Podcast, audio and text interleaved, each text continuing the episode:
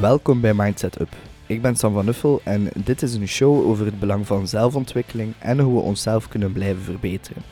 In deze serie, The Fast 5, spreek ik telkens met een centrale gast en stel ik hem of haar vijf vragen waarop hij of zij een beknopt, maar waardevol antwoord geeft. Vandaag zat ik samen met Michael Humble. Dit is de founder van Keomatic en zij helpen bij het creëren van killer sales strategieën en het verhogen van omzet. Michael heeft ook een boek geschreven over het scalen van uw business, genaamd Nobody Knows You. En daarnaast heeft hij ook zijn eigen YouTube-kanaal waarin hij gepassioneerd waardevolle informatie over salestechnieken deelt. Enjoy. Laten we beginnen met de eerste vraag. Hoe ziet een ideale dag eruit voor u? Ik heb er eens over nagedacht. Hè. Bij mij, ik sta graag op zo 6 uur 30, 7 uur. En dan, ik heb een boek geschreven. Ik vond het fantastisch om eigenlijk zo een creatief moment te hebben om iets te schrijven. En dan zo iedere uur wakker te worden. En zo de tasjes koffie en het lawaai van een gezin. Maar ook het gezin dat vertrekt. En dat ik dan nog een uur kan doorschrijven. En dan... Uh, eigenlijk doe ik graag iets actief. ik heb, ik heb een investering gedaan in een zwembad. Even in een zwembad springen met iemand rond, een paar slagen, dat water, goed fris. En dan doe ik graag nog wat creatief werk. Zo powerpoints maken of echt strategieën bedenken en dergelijke. Iets kort eten, iets gezond eten, een wandelingsje gaan doen, even buiten, even vlucht. En dan, uh, meestal in de namiddag ben ik heel sociaal werk te doen. Dat wil zeggen telefoneren. Telefoneren, mensen ontmoeten, meetings doen heel veel sociaal. Daar word je heel moe van dan een tijd. En dan eindig ik meestal de werkdag met um, wat administratie. Er is altijd wel wat e-mails te doen of wat boekhouden. Ja. Noem maar op. Thuiskomen, met dat iets een wandelingsje doen, als een traditie geworden. Even het veld in. Um, en dan een hoop vrienden, ideale nacht. Een hoop vrienden die langskomen met eten, goed drinken, glasjes wijn erbij. En dan eigenlijk, hè, dat is eigenlijk heel erg om te zeggen, maar om half elf mag iedereen weg en iedereen buiten. En dan zit ik heel graag met mijn vrouw in de zetel nog even in Netflix ah, te zien. Dat is totaal niet erg van te zijn. Ah, voilà, voilà. Ik vind dat heel ontspannend. Soms moet ik niet... Ik, ik kan het niet uitleggen. Als je een hele nacht bezig bent het uit te leggen en na te denken, ben ik blij om gewoon soms te consumeren en te ontspannen. Ja, ja. Begrijp ik volledig. De max. Top. En dan mijn bed in eigenlijk niet te laat. Ik begin een avond ja. zo half twaalf, twaalf uur, zo mijn uur. Ja. Ja, dat is een vrij gevulde dag. Ziet er goed uit. Hoe, hoe ziet uw missie eruit? Wel, mijn missie is een beetje veranderd. Vroeger was dat van, ik wou dat de mensen winnen in sales, op alle mogelijke manieren. En dat is de laatste jaren wat verschoven naar...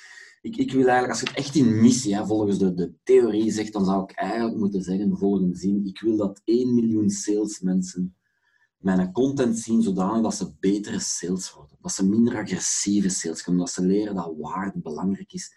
En dat je op een heel andere manier sales kunt doen. Nu, op mijn YouTube-kanaal zitten we al aan 450.000 views. Ik ben er dichterbij aan het kruipen. Hè. Ja, ja, ja. Maar dat is we zijn er nog niet in. Nee. Chic. Um, wat hebt waarschijnlijk al heel veel interessante mensen ontmoet. En wat is het beste advies dat je al gekregen hebt? Wel, het is, een, is echt gebeurd verhaal met mijn vader. Als ik uh, 14, 15 jaar was en, en ik had heel veel moeite, ik was met van alles tegelijk bezig. Ik doe altijd heel graag in parallel dingen. En mijn vader zei op een dag tegen mij, dat was van een oudere meneer eigenlijk, want die heeft mij gekregen als hij 58 was. En die zei, kom eens mee naar buiten. Um, en ik zei, en die had de lotjesgeweer vast. En um, die, die, die zei naar mij, hij zei, allee, toon mij iets en ik ga dat afschieten. Maar die mens had nog in een oorlog, hè, dat was een tankcommandant geweest, en ik dacht echt van, ja, ja oké, ik zeg, ja pa, zie de ginder achter die peer, kunnen die raken. En dus die doet echt, echt waar, het is echt gebeurd, die doet dat lotjesgeweer steekt daar een lotje in, die doet dat terug dicht, en ik denk, ja, die gaat dan zo schoon gaan mikken, en die pakt dat gewoon vast, die draait zich om, met zijn ogen dicht, en die schiet gewoon echt compleet ernaast. En ik zeg, allee pa, echt volledig ernaast geschoten. En hij zegt, Nee, nee, hij zegt ik heb juist de belangrijkste les in je leven geleerd. En ik zo, ja, wat dan? En hij zo, als jij niet focust of niet kunt zien naar waar dat je gaat schieten of naar waar dat je richt, ga je het nooit niet raken, mijn vriend. En dat was een ongelooflijk wijze les. En eigenlijk een heel mooi voorbeeld daarvan is, als ik, heel, als ik lesgeef, als ik mensen... Ik zie heel veel salesmensen zijn sociaal, dus die zijn zeer gedefocust. Je hoort dat hier vandaag ook een beetje. Dat is, naar wat je kijkt, dat gaat het doen. En soms pak ik gewoon een post-it met één of twee dingen op en dat plak ik voor mijn neus. En dat kunnen cijfers zijn, dat kan KPI's zijn of dat kan iets heel belangrijks zijn. En dat is raar, maar je kijkt ernaar en je gaat dat oplossen. Ik zeg bijvoorbeeld tegen mijn vrouw soms, ik rij niet graag gras af, Ik zeg, weet je wat je doet? Zet dat grasmachine gewoon in de weg. En die zet dat gewoon in het midden van de oven weg, dat dat in mijn zicht staat, en dan ga ik dat oplossen. En dat is bij mij de druk om dingen te doen. En snel, dat is dingen in mijn weg zetten, dat, dat ik er niet rond kan, ja, dan moet ik het wel, wel doen. Met een boek, eh, ik, ik wist als ik nooit, ik ging een boek nooit niet schrijven, toen zei dat ik, ik, dat ik moest, en dat was eigenlijk toen een grote keynote. En ik had die man hadden gezegd, je krijgt de keynote als je een boek hebt. En ik heb dus echt een boek geschreven voor de keynote, en dan is corona gekomen, die keynote niet doorgegaan. Dus nu weet ik, ben aan de volgende bezig, dus nu ben ik aan het zoeken naar een grote keynote. Dat ik zeg, mannen, ik kom met een boek voorstellen op uw event. En dat is een mooie win-win. Ja, kom helemaal goed. Heel mooi, merci. Eh, wat is het meeste, het ding waar je het meeste trots op bent? Ja, ehm, het zijn eigenlijk twee dingen. Dat is een moeilijke om te kiezen, want in een tijd was ik dan een VP of Sales en ik was dan eh, ik was heel veel bezig met producten te launchen en dergelijke. Op een bepaald punt is er echt één product van scratch. Mannen, eh Michael, kwam zo. Michael, we hebben een technologie gekocht. We weten niet wat er echt gebeurt. We weten niet wat we ermee te- mee moeten doen. Maar dat gekocht voor één klant in Amerika, kun jij dat niet proberen te launchen? En ik heb dat echt mee gelaunched. Ik heb er een team rond gezet. We hebben dat van scratch beginnen bouwen en doen. En ik denk dat dat nu een 250 miljoen recurrent business is, alleen dat product. Dus dat is, vond ik zelf heel impressionant. Maar als ik daar nu terug over nadenk, dan vond ik die een boek schrijven en heel die YouTube en heel dat spel in elkaar krijgen, dat is toch wel heel plezant. En daar ben ik eigenlijk wel heel fier over. En ik zie ook als ik over iets vraag, dan ga ik zeggen, maar kijk, het is hier. Hè. Ja, Dat is wel heel tof. Dat eigenlijk, als ik moet kiezen, zet ik dat op nummer 1. Ja, ja, groot gelijk. Ehm, de laatste vraag, en dat vind ik de leukste. Als je één wet mocht creëren waarin dat iedereen één gewoonte heeft, welke gewoonte is dat dan? Wel, dat is iets dat, dat- Ik heb daar lang over nagedacht. Ik heb me dat gestuurd vorige week. Ik heb daar echt zitten over nadenken. En dat is eigenlijk iets heel stom. Als ik naar een lokale winkel ga, dan valt mij op dat zo een lokale winkelier, die, die kunnen soms zo niet vriendelijk zijn. En ik snap dat ook niet. Want het enige dat die mensen moeten doen, is mij een goed gevoel geven en ik ga daar eindeloos blijven kopen. Ook al is hun product slecht, ik vergeef hun dat dan.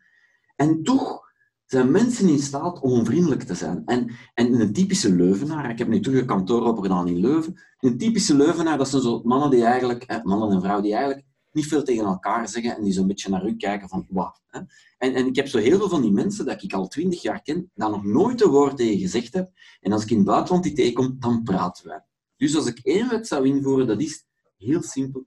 Gewoon dag tegen elkaar zeggen en gewoon wat vriendelijk zijn. En, en meer moet dat niet zijn. En, en ik ben er zeker van dat dat, dat dat fundamenteel veel gaat veranderen.